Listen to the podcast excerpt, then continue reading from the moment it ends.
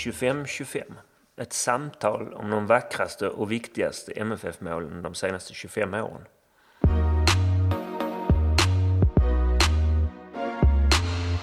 Mål 8. Mattias Raneges 3-0 hemma mot Helsingborg 2012.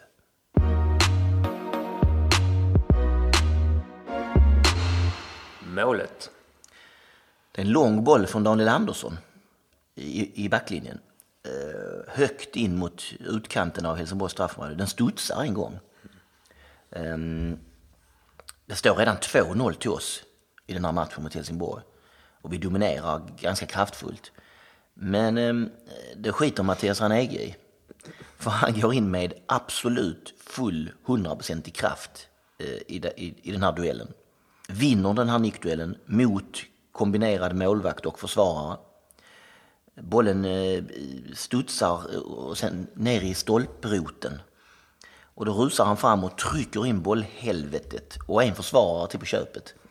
Eh, och rusar sen därifrån och, och firar eh, på ett synnerligen ljuvligt vis. Det här är i egentlig mening inget snyggt mål. det, det. Och det är inte heller matchavgörande ju. Det har inte ens gått en halvtimme väl när det här Nej. händer. Eh, vi har redan 3-0 alltså. Men, men trots det så är det här på något vis ett, ett liksom definierande mål. Det är liksom kom inte här kom. Eh, som eh, Mattias Ranegi gör. Eh, I första duellen Sadiko, Lorent Sadiko och Per Hansson de faller åt varsitt håll lite som vantar liksom. Mm. Eh, och sen efter bollen har tagit i stolpen så är det Erlend Handstveit, en norsk försvarare som HIF hade där ett tag. Eh, men det är precis som att han vågar inte riktigt gå in i den här för att försöka få undan bollen. För att när han ser den här ursinniga urkraft komma kanande och... Eh, jag, jag, jag får bilden av att det, de, här, de tre HIF-arna som ligger där, de ligger liksom utspridda. Det är lite grann som när chassen har misshandlat knasen.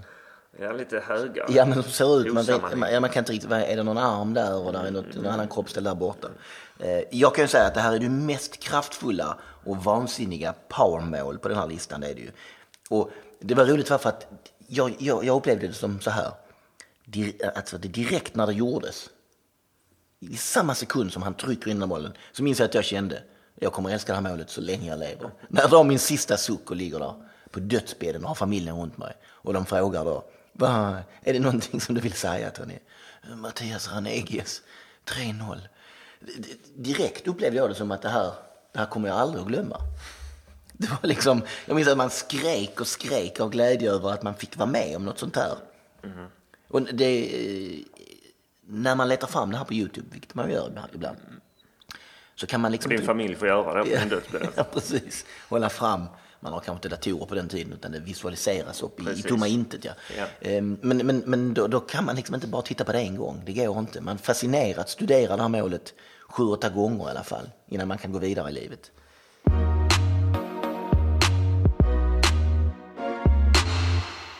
Läget.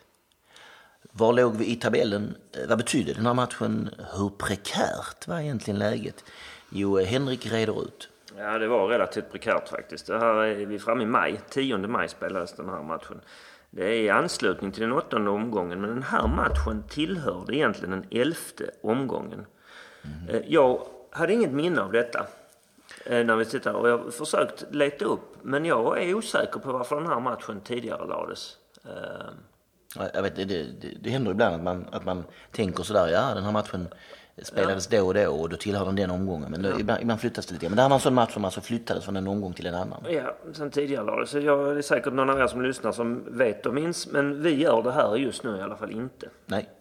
Tabelläget. Vi låg fyra efter åtta rundor på 14 poäng. Det var samma poäng som AIK. Vi var två poäng efter Häcken och hela sju efter Elfsborg som ju hade börjat i rasande fart. Och ja. så småningom kommer vinna det året också. HF var regerande mästare och låg just bakom oss. Eh, de hade tagit 13 poäng, alltså en poäng mindre. Men mm. det här året hade de svårt med målskyttet. 7-5 eh, i målskillnaden på åtta matcher. Du säger att det är prekärt, men inte jätteprekärt ändå? Nej, men sju poäng upp är väl en relativt... Sju poäng är mycket till Elfsborg såklart, men vi ligger fyra där. Ja. Ja. Eh, ja, vi får väl enas om att det var ganska prekärt ändå. Ja.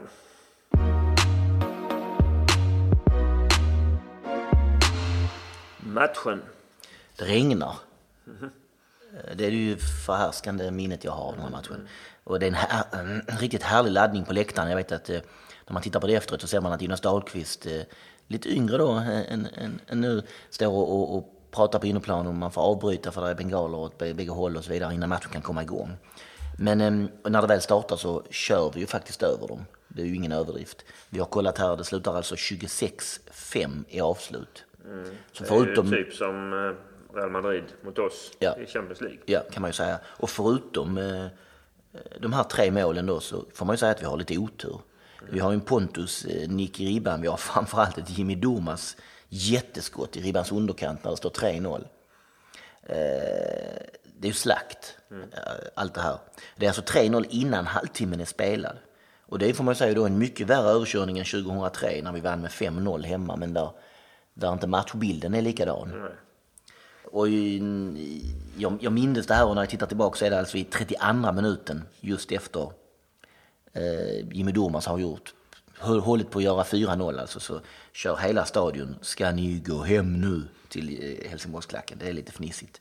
Ja, det är på alla sätt det här en underbar match eh, som man minns med stor glädje. Där vi ju visar att eh, vi är det klart bättre laget eh, eh gentemot Helsingborg.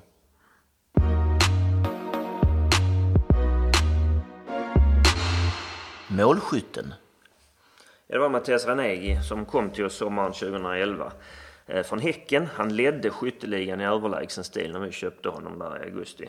Han har gjort 18 mål på de första två tredjedelarna av serien. Alltså nästan ett mål i snitt. Det är ett riktigt bra målsnitt ja. ja. Ehm, det var ju faktiskt en prestige och tyngdvärvning som jag inte trodde vi var mäktiga då.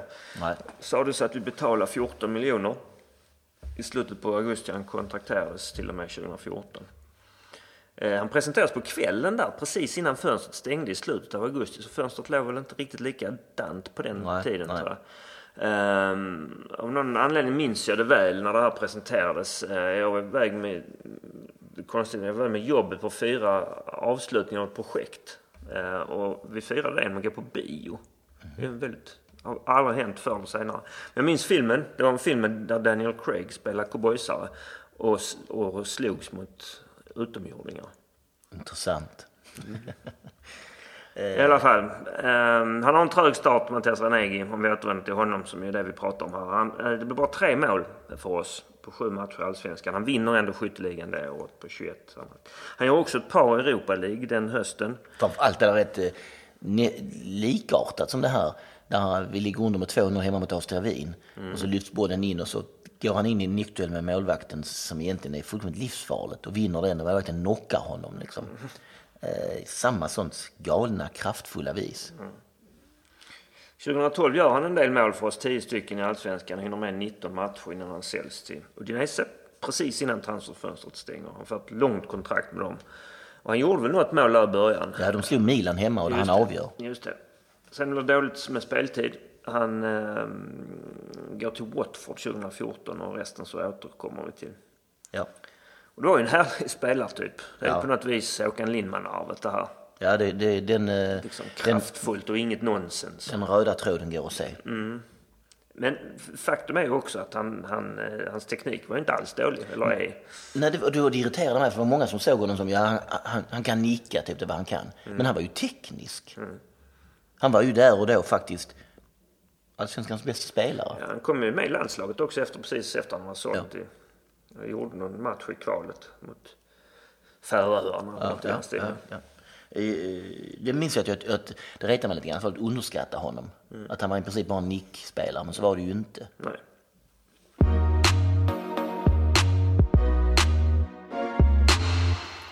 HF 2012. Ja, de hade, var ju regerande mästare sa vi innan. De hade tappat eh, Alexander Gerndt och Rasmus Jönsson sommaren innan. Eh, vi har varit in Thomas Sörum, norrmannen, som ju aldrig gjorde någon succé. Han är anfallare den här matchen tillsammans med Alfred Finnbogason som i alla fall som var bra för dem och som på senare år också. Och gjort ännu större succé ja, som man säger. Ja.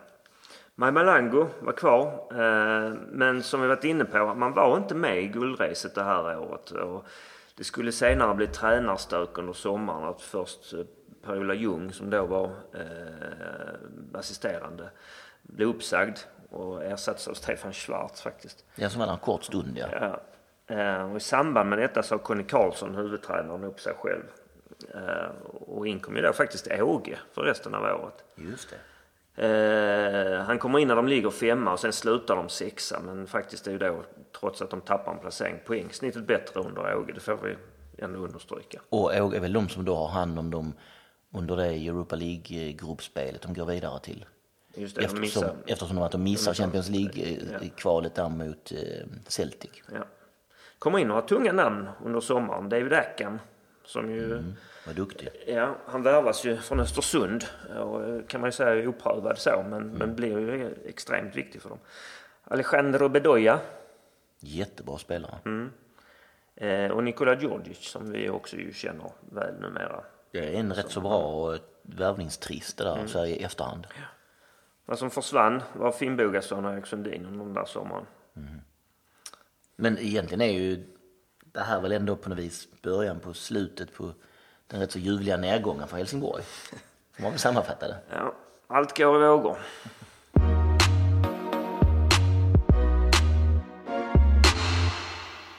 EM 2012. Det är EM-år. Sverige har kvalat in till EM i Polen och Ukraina eh, som bästa grupp två. Eh, vi spelar alla våra matcher i Kiev, Ukraina.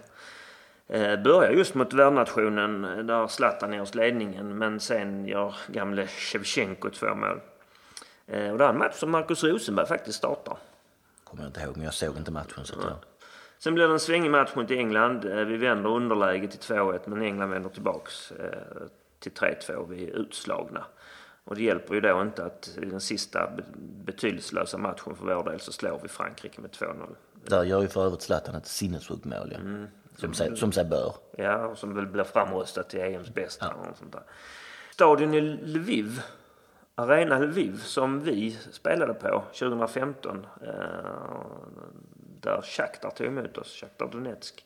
Eh, det stod klar, den arenan stod klar året innan EM och är ju egentligen byggd i samband med detta. Mm. Och det är ett stort rymdskepp i en sliten omgivning kan man väl säga. Ja, märklig, eh, märklig omgivning alltihopa, mm. märkligt ställe liksom. Mm. Och sätta upp en sån futuristisk skapelse när man, när man var där. Mm.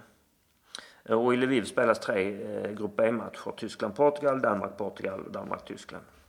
Och vad har vi för svenska spelare i, i vad har vi för spelare i, i EM-truppen som har Malmö FF-anknytning? Jo, det är Zlatan som såklart, Marcus Rosenberg som vi sa. Eh, Johan Wieland är tredje målvakt. Just det, ja. Eh, då är han ju FCK, men han är ju sen mm. MFF-legendar. Vi har också Ulla Toivonen och Brang Safari är med i truppen. Mm.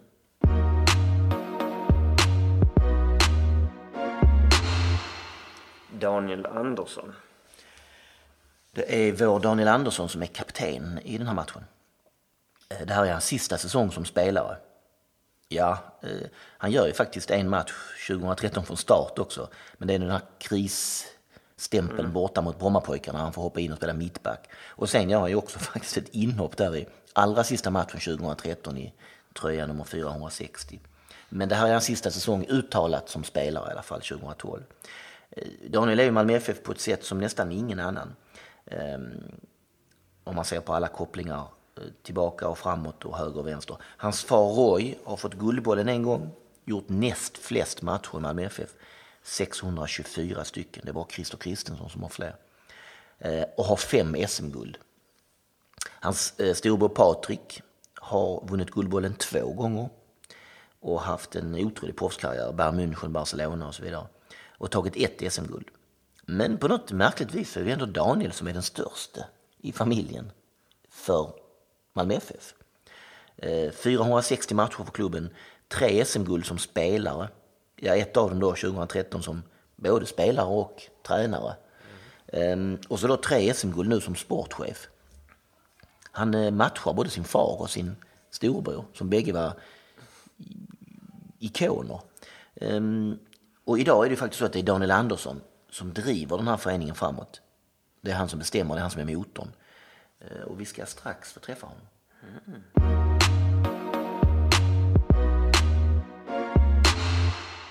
På plats. Minns du det här målet som vi, eh, som vi ska prata om? Ja, det gör jag. Ja, det gör jag väl. Absolut. Ja. Vi, vi, vi snackade om det innan jag och Henrik och vi kom fram till att på något vis känns det som att det här är ett mål som är lite grann i din smak. Som ett, ett mål som, som du skulle gilla. Nej, det vet jag inte faktiskt. Men det var ett härligt mål. Dels eh, matchen i sig och sen eh, just hur, man, eh, hur målet kom till. Att verkligen trycka till motståndaren och sätta trean. Det var härligt. Men det är rejält liksom? Det är rejält ja. Nej men det var pricken över i den matchen kan man ju säga. Så att en explosion i första halvlek och det här liksom verkligen tog koll på dem.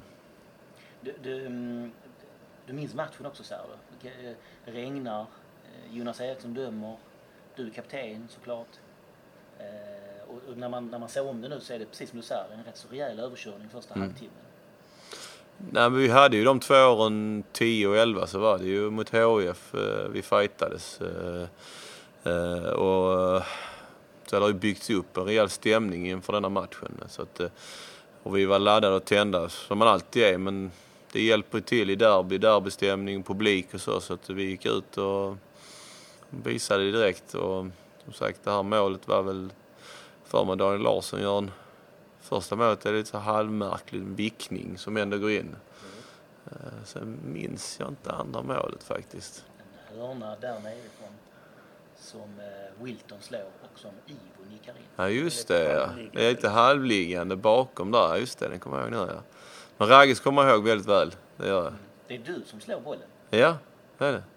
Lång boll. Eh, som det var lätt att slå på honom eftersom han i princip vann dem alla. Ja, det var gött. Alltså om man inte hade någon spelare var att lyfta mot Raggis så löste han det. Eh, alltså jag för mig, jag hade en liten tanke att lägga den bakom backlinjen men i regnet så eh, jag tror den gled lite på min fot så det blev inte riktigt sån träff som jag ville men eh, riktningen var rätt. Så sen blev det någon får man någon studs som, som Per Hansson missbedömer och så kommer ångvälten. Mm. Precis som man känner det. Ja. Vi pratar ofta om det som att det här är ett av våra favoritmål här. Ja, det är det och så Lindmans från 89. Ja, det är liksom hackar loss det några väldigt fan. Ja. Det är sådana fruktansvärda kraftmål. Ja. Här, här, när man ser målet här så eh, Per Hansson och jag tror det är hans Sadiko som ligger i en hög på mm. golvet mm. som ser ut ungefär som när chassen har lappat till knasen i, i knasen-serien. Mm. Mm. Och sen studsar ju bollen i stolpen. Ja. ja, och sen är han ändå först där mot deras back. Ja, Precis, de rädd back ja, ja, ja. Nej, Ragge var stark alltså. Han är ju fortfarande stark, men det var fan alltså. Jäkla huvud. Och, och det, det är nästa grej där, Mattias Ranege. Du, du kallar honom Ragge, för det var mm. så han kallades här då. Ja. Han var väldigt eh, bra hos oss. Ja. Nej, och inte bara stor och så utan eh, fin teknik. Alltså kombinera både snabbhet och, och styrka med en bra teknik på fötter. Så att eh, den korta tiden han var här så satte han ett väldigt stort intryck, eh, avtryck. Så att eh, eh, nej, det var, var bra. Bra spelare. För det slogs jag. Vi tänkte att här är en stor kille som kan nicka men men eh, han, som du sa, han hade ju jättebra teknik Ja, bra spelsinne också, spela med andra. Han gick inte själv och kunde göra assist och så. Så att, eh, nej, väldigt bra år. Det är ett och ett halvt år det blev med honom. Alltså. Ja. Och det, det upplevdes som att även efteråt så han, jag följde honom på sociala medier, han var rätt förtjust i Malmö. Mm. Efter 2014-grejen med, med Champions League-äventyret så var han väldigt, eh, mm. skrev mycket om att det var roligt för oss och så vidare. Så att han kändes som att han Ja, men han trivdes säkert där, Mattias. Så att, eh, en bra kille, verkligen. Och, och, då kan man ju ställa sig nästa fråga där då. Det är ju, hur nära var det att han kom till oss när han gick till Djurgården 2016? Var, var det liksom på tal på det eller? Det var lite, lite snack om det sådär. Men äh, riktigt nära var vi aldrig faktiskt. Det var vi inte. Men äh, vi var väl med lite grann och kände på det. Och var, var, liksom, var det för att vi inte riktigt ville eller fanns det andra? Ja, jag det, det är så mycket hela tiden. Så många, affärer. många affärer hit och dit. Men alltså det är ju flera faktorer som ska stämma. Dels är det ju han, vad han vill och vad vi vill. Och, eh, ibland så, så visar inte båda parter samma tryck liksom så, så, så blir det ingenting. Så kan man väl säga. Så det var väl en liten kombination av det. Att eh, vi inte riktigt visste om vi ville och han var inte riktigt så säker heller. Och, då kanske Djurgården visade mer att de ville och då ville han det. Så att, eh, något sånt skulle jag nog minnas det. Men, men vi var där lite och fiskade du? Ja, det var vi. Ja, som sagt, jag gillar ju Ragge. Så att vi var där och nosade lite. Man tänker det här målet är ju 2012 då. Mm. Den säsongen. Du, du, hade deklarerat att du slutade 2011 mm. Men 2012 så står du uppsatt som 15 matcher. Precis i början är du helt ordinarie i backlinjen. Ja, det var ju den här matchen uppe på hissingen som ställde till lite där. Släng in gubben igen. Ehm, så att jag hade ju tänkt sluta, men så spelade jag. Sen blev jag ju tack och lov lite halvskadad på slutet så vi kunde släppa in eh, de rätta spelarna, de yngre och ge dem chansen helt ut. Så att, eh... Ja, för det var du och Pontus väldigt mycket i början, men sen ja. var det ju Filip eller Jasmin som tar över där. Ja. Men det är så du känner också, att det var rätt att släppa in någon annan? För annars säger ju fotbollsspelare oftast att det är klart man vill spela. Nej, men jag hade ju slutat och jag skulle bli assisterande tränare. Ja, ehm, du var väl också det samtidigt? Ja, mm. och, eh, och det var tanken att jag inte skulle spela alls. Sen får vi 5-0 där uppe. Ehm, ja, och då, eh, ja, då vädjas det att jag ska spela och då gjorde jag det. Och då, då vinner vi och då vädjas det vidare och vinner och vinner. Men eh, jag ville ju helst att eh, dessa fantastiska ungdomar skulle spela istället. Mm. Eh, så att, eh, och så blev det ju till sist, så det var skönt. Så att, eh, eh, jag hade nog kunnat bita ihop lite grann där, men jag eh, ville släppa fram pågarna där. Det var dags för dem. Om man säger bita ihop, alltså du bet ju ihop även 2013. Där du gör två matcher.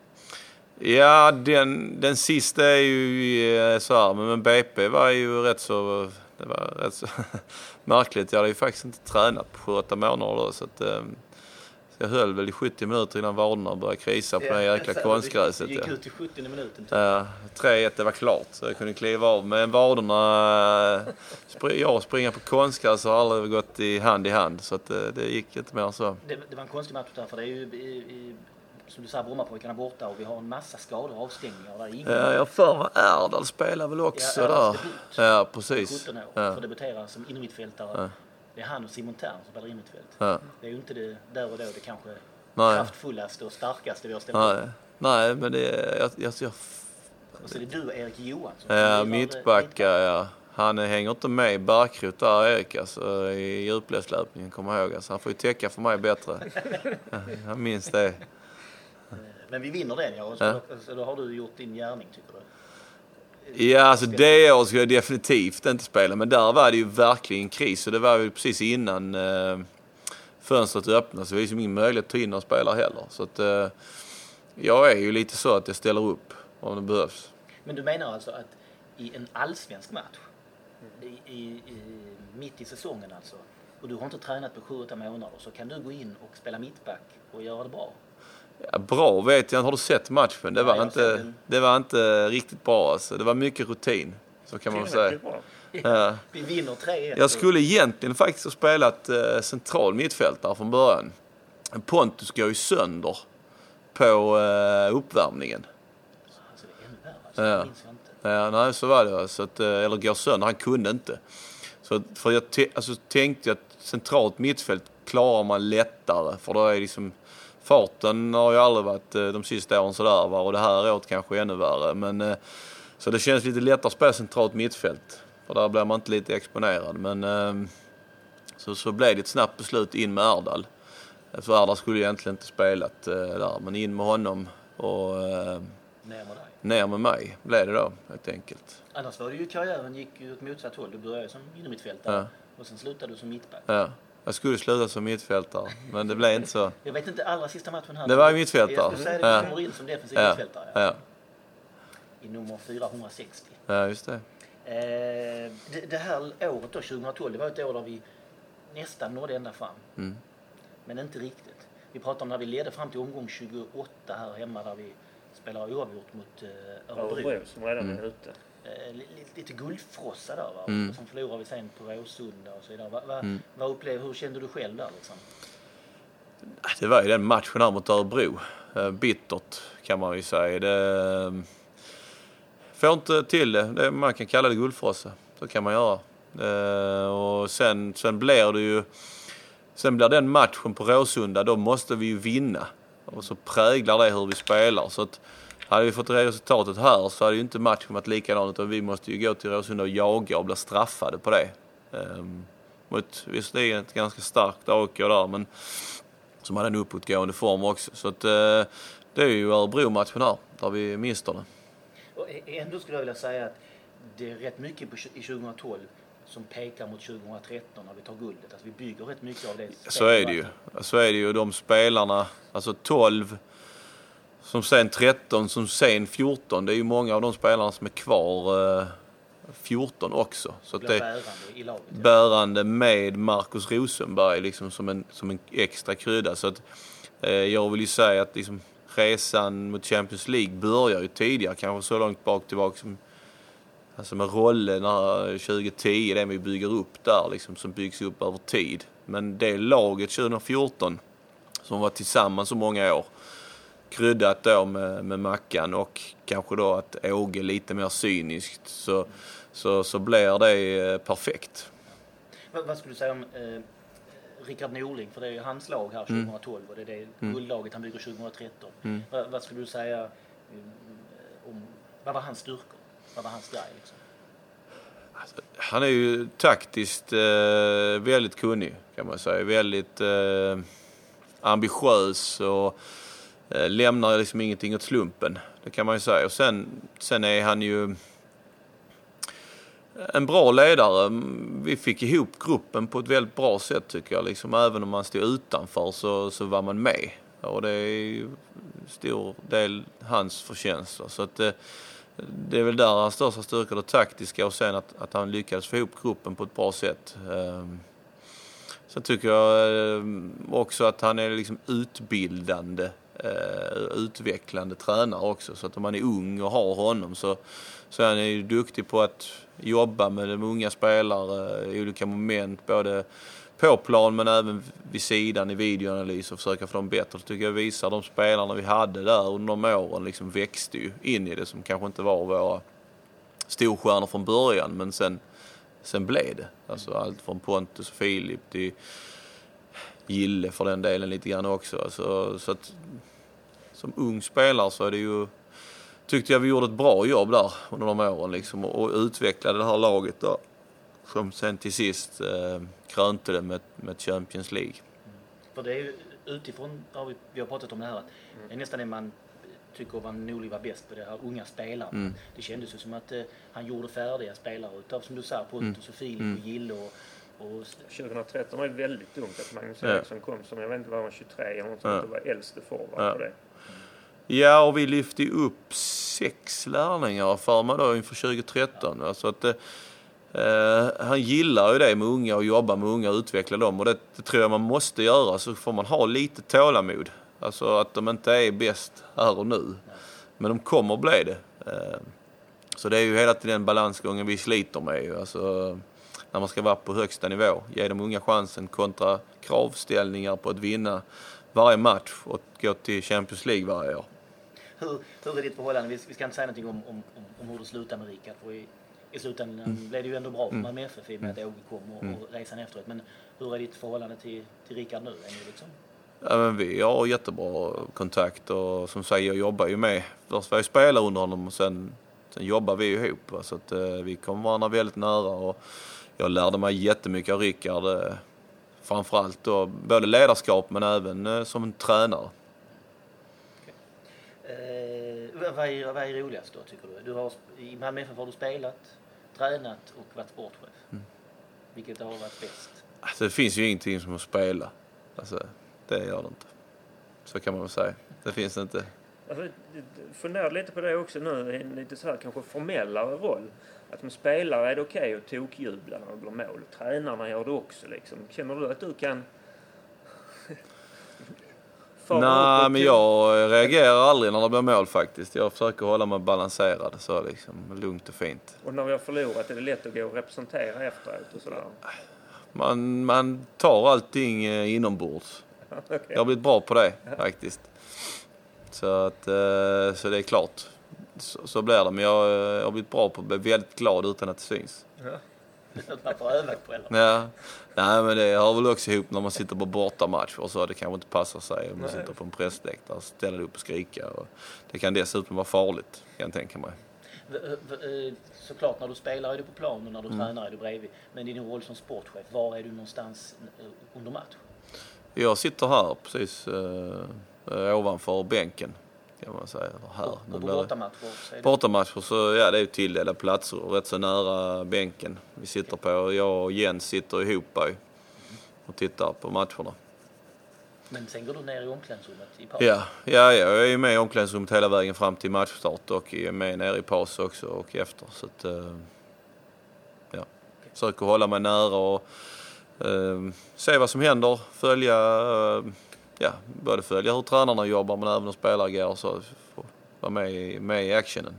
Okay. Det, det, vi, vi återvänder till den här eh, regniga eh, kvällen eh, på Nya Malmö Stadion eh, 2012 då när vi vinner 3-0 mot, eh, mot Helsingborg. Eh, vi har ju valt ett mål utav Mattias Ranege då. Eh, vi skulle kunna ha valt något av dig också. Vi har letat fram här att du har gjort 30 stycken mål i Malmötröjan. Eh, vi har inget mål med dig av de här 25. Är det, är det något du själv tycker borde eller skulle kunna ha varit med? Nej, det tycker jag inte faktiskt. Vilket är ditt favoritmål i, i MFF-tröjan? Har, har du något sånt? Alltså, kommer du ihåg dem? Ja, jag kommer inte ihåg alla 30, det gör jag inte. Men eh, alltså, vi har ju eh, guldåret 10 gör ändå rätt så många viktiga mål faktiskt. Eh, Elfsborg och Göteborg. Precis de två vi pratade om. Ja. De två minns jag ju. Mm. Sen har vi ett från vignetten i Sportspegeln. Det är längre tillbaks. Ja. Från första perioden i Malmö FF. Ja, jag gjorde ju årets mål där ju mot TFF. Det var precis på listan men trillade ur i sista stunden ja. när vi satte Ja, 5-2-segern och Anders han var så jäkla bitter efter för han hade också skjutit ett hyfsat skott som inte alls eh, blev uppmärksammat för att mitt var ännu hårdare och hade lite den här effekten med ribba in som ger det lite bättre effekt. Han är fortfarande bitter över det Anders, men det får han ta. Uh, uh, uh, men nej, och sen har jag för mig jag gör oss som ett HF där han snor bollen mm. och rullar in den i öppen kasse. Yep. Men det är ju jäkligt länge sedan. Nej, jag minns inte alla, men de från 10 kändes ju bra för de var liksom direkt matchavgörande. Det är ju rätt så viktiga matcher. Mm. I debuten gör du mål?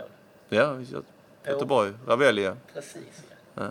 Ja, men det, det glömmer jag ju såklart inte. Det var galet.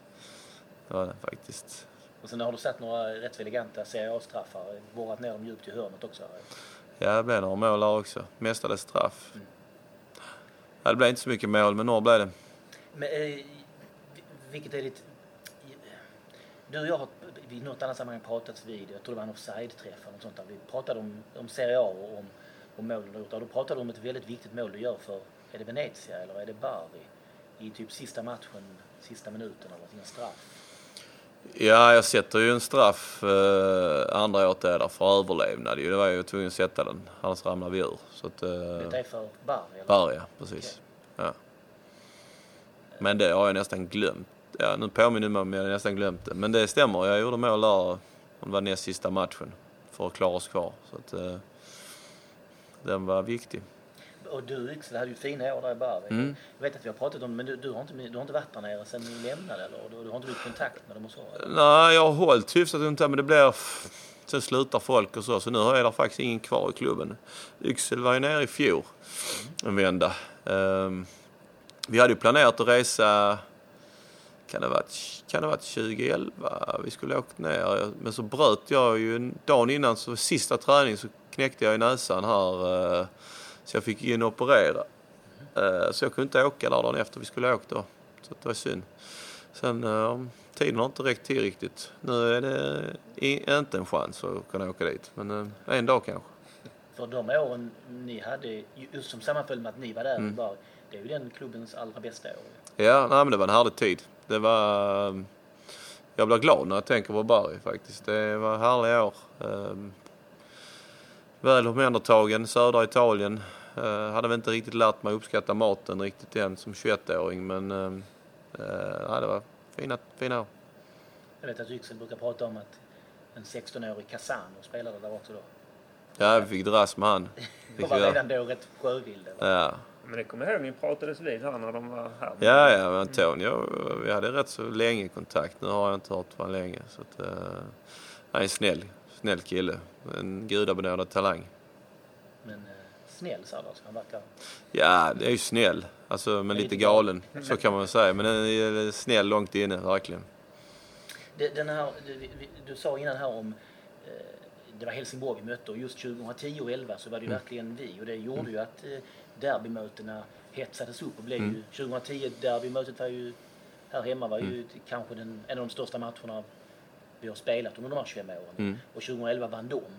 Och 2012 var det ju fortfarande så mm. att, att vi det var lite grann toppmöte. Mm. Sen, det var kanske sista året det på riktigt var det. Mm. Sen har de ju rasat. Liksom.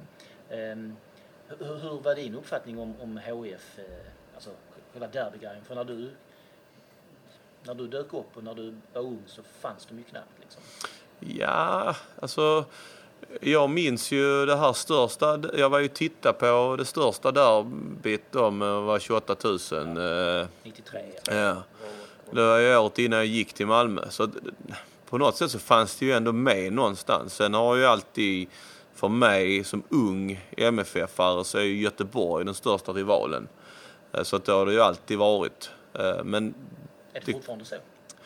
Ja, det, ble, det sitter någonstans rotat ju. Alltså att det var med de största. Det är vi som är de två största liksom så. Men, eh, man kan ju säga att under de åren så var det ju HIF eh, som var mycket såklart det blev ju mycket snack och det skulle deras supportrar mot våra supportrar. Så att det, det blev ju stora matcher och det var häftigt. Det var riktigt häftigt de åren att kunna få dem, den rivaliteten. Det var ju härliga matcher med mycket fart och intensitet. Vad, kan man säga någonting om deras fall? Liksom är det, hur, hur, hur, hur kan det gå så? Alltså för 2013 på sommaren tror jag fortfarande att de, det är en period nästan mitt i säsongen när de leder allsvenskan, ända fram till 2013 alltså. Och nu då, fyra år senare, så de, ser de inte ut att gå upp ens ur superettan. Det är jäkligt snabbt. Ja. Ja, jag, jag vet inte vad jag ska säga riktigt. Tar man alltså. lärdom av det? Tänker man att det här gäller verkligen att vara... Ja, men det är väl klart. Det är ju, vi försöker titta. Det, nu ska jag inte dra paralleller så, men det har ju varit lag som har varit i i Champions League och haft mycket pengar. Och sen så har man eh, några år senare eh, helt plötsligt varit bankrutt nästan. Va? Så att, eh, det är det vi försöker liksom att bygga långsiktigt och ändå vill ju satsa men ändå se till så att vi inte hamnar i en eh, dum sits och värna om föreningens pengar så gott det går så att vi långsiktigt kan vara med eh, och, och vinna och vinna och vinna och vinna så att det inte bara är ett kortsiktigt projekt. Skulle du vilja ha PHF i Allsvenskan? alltså det är, det är roliga matcher, det är det ju. Så att, eh, det tycker jag nog. Alltså både publikmässigt och eh, intressemässigt och för oss här med ett derby så jag är inget HF-fan men eh, rent ur den aspekten så, så, så, tycker jag nog att HF ska spela i Allsvenskan. Mm. Det var intressant det du säger, men liksom Champions League att det är trots allt så att ni dedikerat liksom tittar på hur de, de svenska lagen tidigare gjort för fel. Så tolkar jag i alla fall det du svarar. Att, att, yeah. liksom, att det finns en stor fara i att bli fartblind. Liksom, att det... Ja, det är ju inte bara därför utan nu har vi ju klokt folk också i styrelsen liksom, så det gäller ju att ha budgeten under kontroll. Eh, och, och i och med att andra klubbar också har gått lite i fällor så kan man ju se på dem. Men, och det hjälper till att se att det kan gå väldigt snabbt åt andra hållet om man liksom inte... Vi har själv också varit i en väldigt svår situation ju, eh, 2011 när vi fick det här resultatet liksom. Som, eh, så att eh, det gäller att vara vaksam. Så att, eh, så att vi är liksom un, under lång tid kan eh, ha de här framgångarna och så bygga försiktigt uppåt. Sen såklart, det är svårt att se om man tittar utåt och konkurrerar mot det, alltså de, de pengarna som finns där ute. Med, att vi ska gå in och vinna Champions League och konkurrera mot dem, det blir kanske svårt. Kan man säga. Så, ja. Jag tänker att det måste vara en bransch som det är extremt svårt. Vi pratar så mycket om långsiktighet. Liksom, mm. Att det är extremt svårt att vara långsiktig när marginalerna på något vis, vi pratar inte om de ekonomiska marginalerna, men det är liksom stolpe ut, skador, eh, mm. någon blir såld. Alltså, på något vis så är det långsiktigt men ändå så är det aldrig bättre än det senaste resultatet. Att nej. kombinera det där liksom.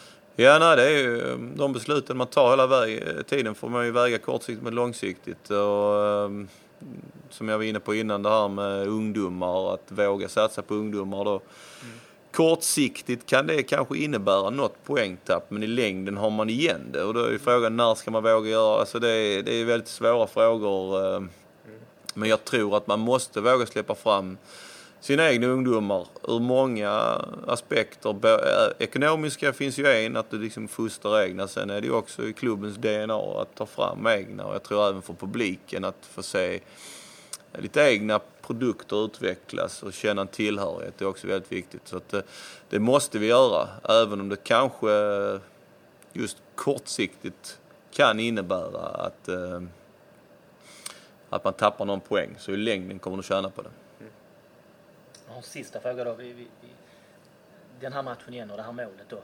Du, du skickar upp bollen och du säger du får inte riktigt den träffen du vill på den. men, men eh, känner du där att det här kommer Ragge och, och mangla in eller är det, liksom, upplever du det som en målchans? När det... Alltså nu minns jag, men jag, jag minns så var det ju att att först kändes det som att jag inte träffade riktigt bollen rätt, men att riktningen var rätt på den. Eh, sen för man att back faller lite tidigt. Men sen studsen gör så jag hinner tänka att det kan nog bli lite, men så kommer målet och sen hinner man inte tänka så mycket. Alltså det bara smäller och sen är bollen i mål. Uh, så att, ja, något sånt. och det här betyder ju 3-0 i 26 minuten. Mm. Och då är ju matchen död. Ja, den, den var ju det. Så det sen kunde vi väl gjort något till i två andra. Minuter senare, ja. Två minuter senare har Jimmy ett skott från 25 meter i ribbans underkant ja. som studsar ner. Så det är ju... Jag för mig vi hade lite chanser andra också. Men det... Snickare i ribban ja. andra. Ja. Men eh, det blev mer kontrollera och de vill ju också bara liksom stoppa. Mm. Det, är ju ett mål som, ska man säga, eh, av alla de här 25 målen vi har valt så är det här verkligen ett mål som definierar den spelaren som gjorde det. Det, är verkligen, det känns som ett verkligen... Det är ett raggemål, ja. det känns inte som att det är många andra spelare som skulle kunna göra det här. Det är det inte. Det är, det är väldigt få i världen som kan göra ett sånt mål. Det kan jag säga.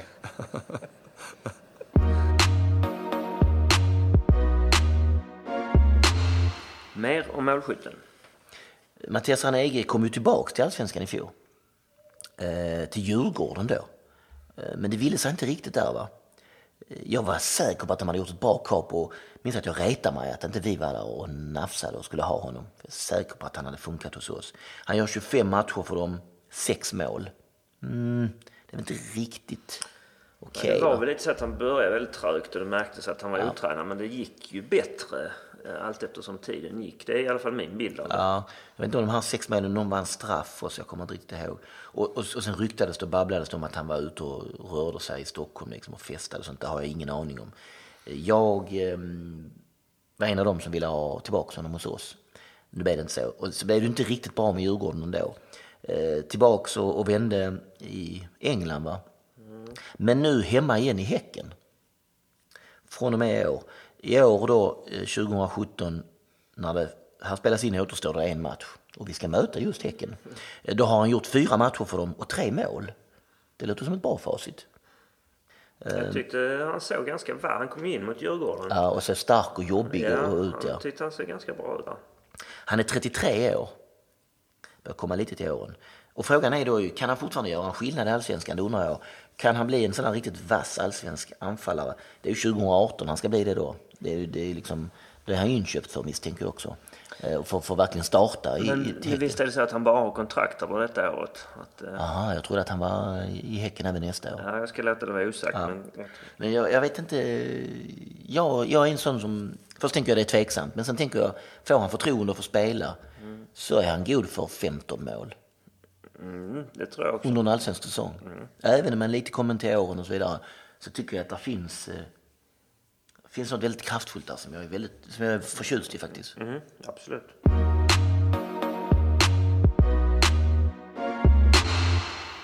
Kluriga frågan. Ja, vi är i segmentet eh, där jag ställer en klurig, märklig, svår, krånglig fråga till Henrik som alltså är helt oförberedd. Fritt fall, inget manus. Mattias Ranege gör 26 matcher och 14 mål för oss. Fullt ut kompetent. Eh, då kommer vi till frågan. Mattias mamma är göteborgska. Agneta. Men hans far, var kommer hans far ifrån? För att han har ju ett, en, en liten eh, mörkare nyans i, i huden. Så mm. att eh, man förstår ju att kanske att bägge föräldrarna inte är kritvita svenskar. Mamman är göteborgska, men var kommer pappan ifrån?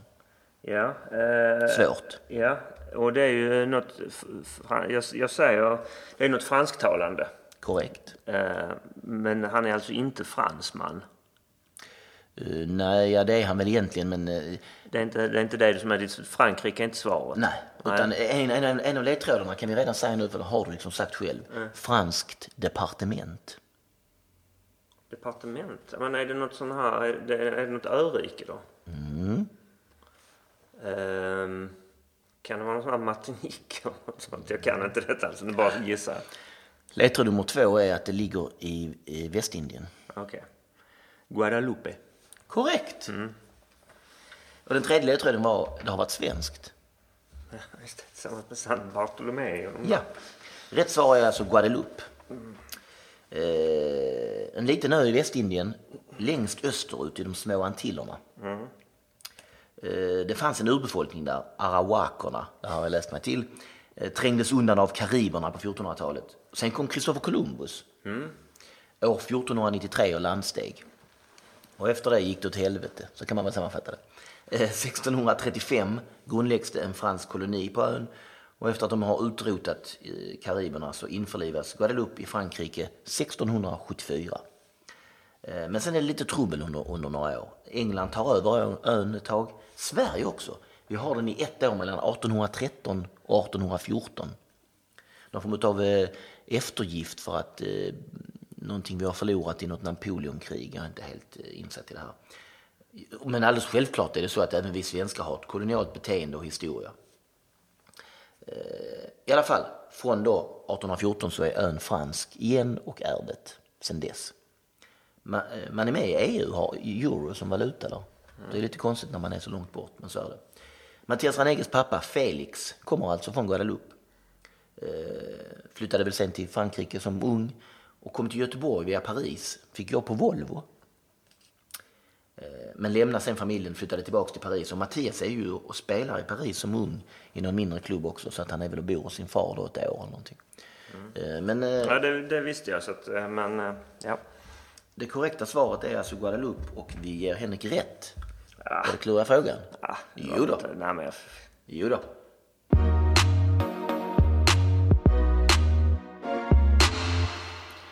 Rickard Norling. Tränare här. Han kom från Assyriska sommaren innan eh, till en liten stökig situation kan man säga efter Roland Nilssons uppsägning. Får man här säga verkligen och speciellt med tanke på den här HF-matchen eh, när det springer in och det blir avbrutet och hela midvitten. Mm. Det var stökigt. Mm. Eh, då kom han från Assyriska som sagt, men han hade också varit tränare i AIK 2005 2008. Och som alla eller, känner till så uttrycker han, uttryckte han sig och uttrycker sig ofta lite speciellt och metaforiskt. metaforiskt eh, säger också samtidigt, så är det. Så. Eh, och är också pappa till uttrycket vacker som få får man väl ja. säga. Så är det. Som ju ingår i vår sång numera. Vokabulär, Malmö FF-vokabulär. Ja. Han var ju nära att få lämna efter det här året 2012. Det var ju slitningar med Per så kan man väl uttrycka det. Ehm, mm. Och det var ju en viss symbolik att de fick springa ut eh, och motta guldhälsningarna 2013 året efter hand i hand.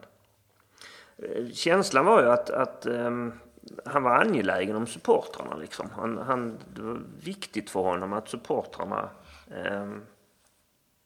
fanns där. Liksom. Han har alltid varit väldigt noga med det och mm. har dem på sin sida. Så heter ja, AIK ja, också. Ja. Och han var ju extremt... Eh, det var han som var tränare de här två första Bradenton-åren. Eh, som jag fick äran att åka med på det. Eller mm. åka med, åka och skriva om det träningsläget för svenska fans. Och då var han extremt tillmötesgående. Alltså, kändes som att han hade all tid i världen för oss. Alldeles för snäll. Mm. Um, och han gillade liksom att filosofera kring det här med, käns var i alla fall känslan att han gillade att filosofera kring det här med liksom spelets betydelse och känsloaspekter mm. och allt det här. Ja, jag hade också... Fått, jag, jag, jag fick också ett väldigt fint intryck. Jag gjorde ju långa intervjuer med honom till det där fanzinet jag gjorde om Europaäventyret 2011.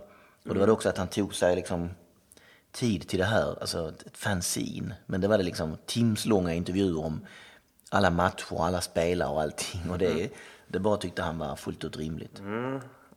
Men, men, du minns ju också det här från lägret, att, att komma dit och så, vad, vad gör vi nu då? Vi får mm. smsa någon så hade vi fått hans nummer och så han svarade liksom direkt. Mm. Så bara, fastän det var oviktiga personer som frågade dumma saker. så tog han sig tid för det. Um, så all respekt för det. Um, sen lämnar han ju hastigt på ett sätt där 2013 på ett sätt som ju av allt att döma överraskar Malmöledningen och styrelsen mm. efter guldet 2013. Så gick ja, vad rörigt där ja. Och så gick han till Brann i Norge. Tog med sig, var fystränare Simon Hollyhead, men där gick det ju ingen bra alls. De åker ur tippeligan 2014 och börjar uselt 2015 så han fick sparken i maj. Det konstiga är att jag, jag har umgåtts med en del brandsupportrar för att de är väldigt aktiva på Eh, internationella scenen när det gäller supporterkontakter och så vidare. Så när jag varit iväg med som SFSUs ordförande så är det alltid brandsupportrar från Norge. Och de älskade honom. Och när man träffade dem efteråt, alltså han höll på att föra ner dem även ur norska superettan eller vad den kan heta. Även då så hade man, tyckte man så himla mycket om honom och respekterade honom. Mm. Så man var liksom inte sura på honom att, att, eh, att han hade att det hade gått dåligt för klubben under hans tid. Det var lite konstigt tyckte jag. Mm. Sen hamnade han i AIK igen. Eh, laget i hans hjärta får vi väl ja. anta. Eh, sen i maj i fjol är han där. Då då ju AIK sparkade Andreas Alm. Han vann direkt. Det första han gjorde var att vinna derby mot Djurgården. Eh, och tog i fjol 48 poäng på 22 matcher. Det är ganska bra. Mm, han blev tvåa i fjol också. Han har kontrakt över 2020 har jag läst. Ja. Tyckte det var roligt när han var här i fjol efter att mötte Malmö FF. Eh, förlorade AIK med 2-0 och så blev han intervjuad av Max Wiman efteråt. Och han inleder intervjun med att säga att Tjenare Max, har de satt dig på sånt här nu? och, ja. Max Wiman hade ju väldigt svårt för honom. Ja. Det var som att det aldrig riktigt lossnade. Ja, det, det var intrycket man fick hela tiden. Att, mm. att Max var inte riktigt, kunde ha svårt att erkänna eh, hans förtjänster när det gick bra och var mm. rätt så snabb med att pika när det gick dåligt. Liksom. Mm, han, min känsla var, nu har jag inte några direkta citat, men, men att eh, Max Wiman tyckte han tränade för lite och för dåligt. Mm. Att det blev bättre liksom, struktur och stadga och fysik liksom under ja. Okay, ja, det, Kanske det, ligger det, någonting i det, men det var, ja. det var min känsla. för Max Wiman gillade inte honom riktigt. Nej, det känns inte som att det funkar där. Mm. Och det är ju så också i år har han också fått en del kritik mm. av AIK-are eh, trots att man gör ett bra år och blir tvåa igen eh, sammantaget. Men ibland har man tyckt det så sett för tempofattigt och lite kanske fegt ut. Men det har väl att göra med den där starten, de börjar ju dåligt som de alltid gör. Ja. Och sen har han fått ordning på det efter sommaren liksom. Mm. Men oavsett va, så får man ju säga om Rickard Norling, folk har ett polariserande åsikt om honom. Mm. Och det är, får man lov att ha. Mm. Vi, den här eh, samtalsserien är inte ute efter att förbjuda folk. Men eh, oavsett vad man tycker om honom va, så är han ju en av våra tolv guldtränare. Det kan man liksom inte ta ifrån och det måste man på något vis respektera honom för. Absolut. Det är samma känsla man kan ha för Allan Kuhn till exempel. Att det, eh, mycket saker som inte funkar, man inte tyckte om. Men han är också en av våra tolv guldtränare. Mm.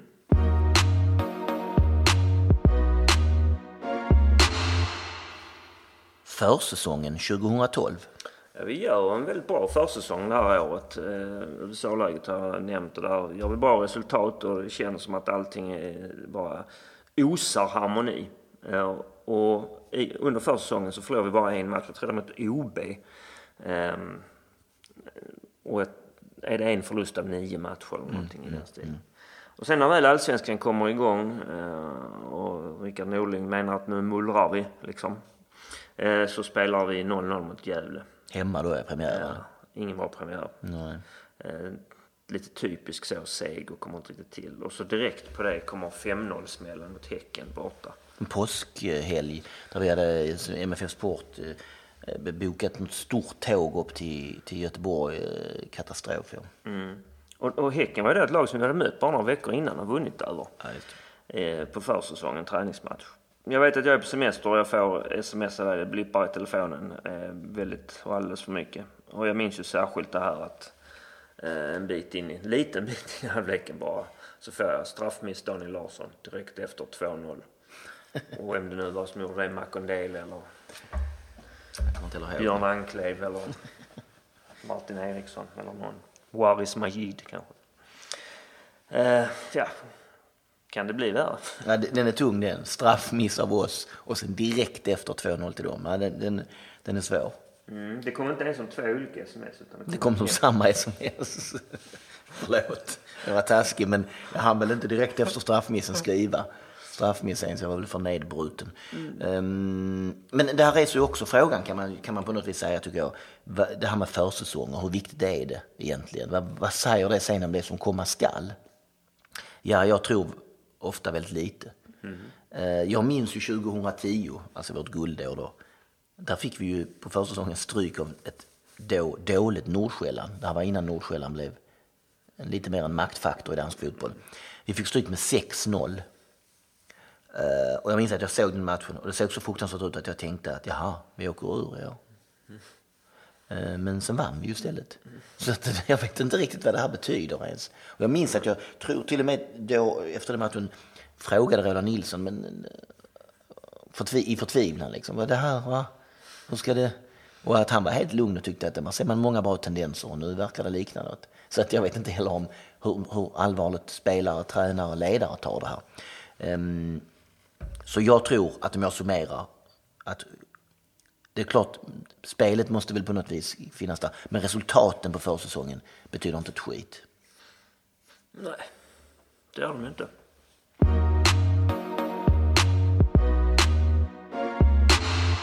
Resten av säsongen 2012? Ja, det blir aldrig något guld 2012. Vi leder ju faktiskt efter, om, efter omgång 28. Vi har ätit in det där Elfsborg-försprånget. Ja, och då leder vi alltså, för vi har slagit Djurgården hemma med 3-1. Mm. Eh, och då har vi samma poäng som Elfsborg, 55. Samma målskillnad, plus 18. Men vi har gjort fler mål. Det var rätt så dramatiskt. Jag minns inte att det var fullt ut så dramatiskt så här i efterhand, men det var det tydligen. Och varför minns man inte det? Jag tror att man har liksom bäddats in lite grann av alla guld efteråt. Guld 2013, 2014, 2016, 2017. Så att vi missade där, liksom, eller att det var så dramatiskt, var så där, det betyder inte lika mycket längre. Men um, så pass dramatiskt var det alltså. Samma poäng, samma målskillnad. Med två omgångar kvar bara. Men så kryssar vi ju i den där olycksaliga hemmamatchen mot Örebro i rundan efter. Uh, missar en straff. Um, de, deras mål visar sig att det är en halv meter offside efteråt. Det ser man inte riktigt när man tar någon och går in. Um, och ja, samtidigt... Ja, klack. Ja, precis. Jag tar honom på klacken. Samtidigt som vi kryssar då så slår Elfsborg Mjällby borta. 3-2. Mm. Och till saken hör ju här också faktiskt att Örebro var redan ute. Ja. De hade absolut ingenting att spela Nej. för och var sist. Vi, vi borde ha vunnit den ja. Mm. Men Elfsborg vinner alltså sin match i samma runda så då är vi två poäng efter inför sista matchen. Där vi ju då har AIK borta på Råsunda som är den allra sista matchen på Råsunda och där förlorar vi eh, den också. Vi blir till sist trea den här säsongen efter att Häcken smiter förbi i sista rundan med. Mm. Så Rickard Norling får ta sitt hittills enda SM-guld eh, året efter istället, 2013. Vi var alltså väldigt nära när man tittar på det så här i efterhand. Väldigt nära.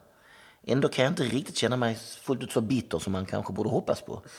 Eh, för det kändes liksom aldrig riktigt som att vi skulle vinna det. Och upplever du samma? Ja. Det här laget var liksom inte riktigt färdigt. Hängde liksom inte riktigt ihop. 2013 klaffade allting. Ja, alltså jag, kände, jag, jag, jag, vill, jag vill nog lite kan man säga emot. För jag kände nog att hoppet fanns eh, där den, den 29 omgången. Jag tänkte nog att Örebro som redan är ute, de mm. slår vi. Mm. Eh, sen var ju den här eh, AIK-matchen. Det är ju alltid en svår match mm. borta. Och att det kändes som att vi behövde sex poäng. Det visar ju sig att i sista rundan kryssar ju Elfsborg hemma mot Åtvidaberg.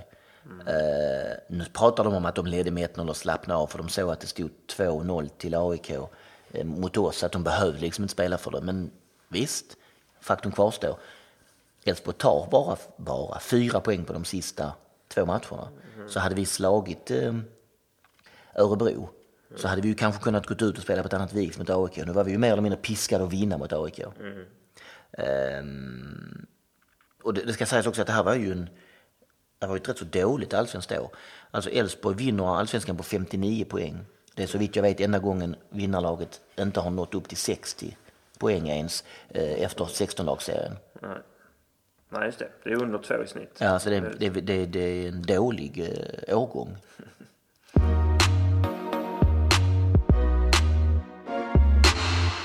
En av motståndarna? Emil Kraft, högerback i Helsingborgs IF eh, i den här matchen. Det är han som står på, på mållinjen och inte får bort bollen. Eh, sträcker sig liksom ut benet när Ivo Pekalski eh, lutar sig lite neråt framåt och nickar in 2-0 på Wiltons hörna. Eh, Emil Kraft är smålänning, som ganska många i HIF. Det känns som att det under ganska lång tid har varit en småländsk koloni eh, kommer till Helsingborgs IF inför den här säsongen 2012 från Öster där han har gjort jättebra i Superettan. Och det är en hel del snack där om att han är på väg till oss. Det ryktas fram och tillbaka. Ska han den här nya unga högerbacken skriva på för Malmö FF eller HF? Och då är det precis som att 2012 som att det är HF som har den lite starkare dragningskraften för en ung spelare på väg uppåt. Regerande mästare väl. Eh, eh, ja, men de känns liksom lite mer som det lite fräschare alternativet. Ja, kanske. Jag tror till och med att eh, någon gång tidigare den här serien att, jag uttryck, att jag uttryckte som att de var storebror. Det, det är ju inte riktigt sant såklart. Men, men vad jag menar med det är ju att vid vissa tidpunkter under de här 25 åren så är det ju tveklöst så att HF har varit bättre än oss. Det mm. går ju liksom inte att förneka. Eh, och 2011 är de ju väldigt bra och vinner ju helt rättvist. Ja. Eh, kanske inte moraliskt rättvist, men rättvist rent spelmässigt. Ja, och, och, det är intressant att tänka på att det är bara alltså fem år sedan som det var, kändes naturligare för en uh, ung spelare att välja Helsingborgs IF framför Malmö FF. Det kan man ju faktiskt få ta. Ska vi ta tre sekunders paus och fnissa åt det allihopa gemensamt? Eftersom då fallet inte riktigt är så längre. Ja, Emil Kraft. Han spelar i HF ända fram till och med sommaren 2015 då Bologna köper honom. Och jag tittade på någon match, på, bläddrade förbi får man väl säga, när Bologna mötte något annat lag eh, i Serie A för några veckor sedan. Och då spelade han i backlinjen eh, bredvid Filip Helander. Mm. Så där lirade de tillsammans. Eh, Emil Kraft är 23 år och han är väl numera också sådär lite in och ut och ganska mycket med i svenska A-landslagstruppen. Mm, det är det. Eh, habil spelare, lite tråkig kanske. Jag vet inte. Har du någon har du någon åsikt om Nej, jag har inga direkta minnen, men eh, habil är väl en bra, ja, bra beskrivning. Och, och, och, där landar vi då i den här hf Inga direkta minnen, eh, tycker inte någonting precis om honom ens.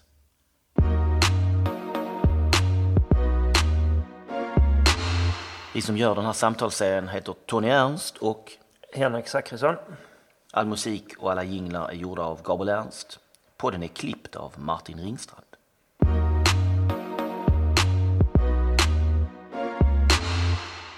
Den här podden görs på uppdrag av MFF Support med anledning av föreningens 25-årsfirande i år. Vi tycker att du ska bli medlem i Malmö FFs officiella supportförening. Gå in på mffsupport.com för mer information.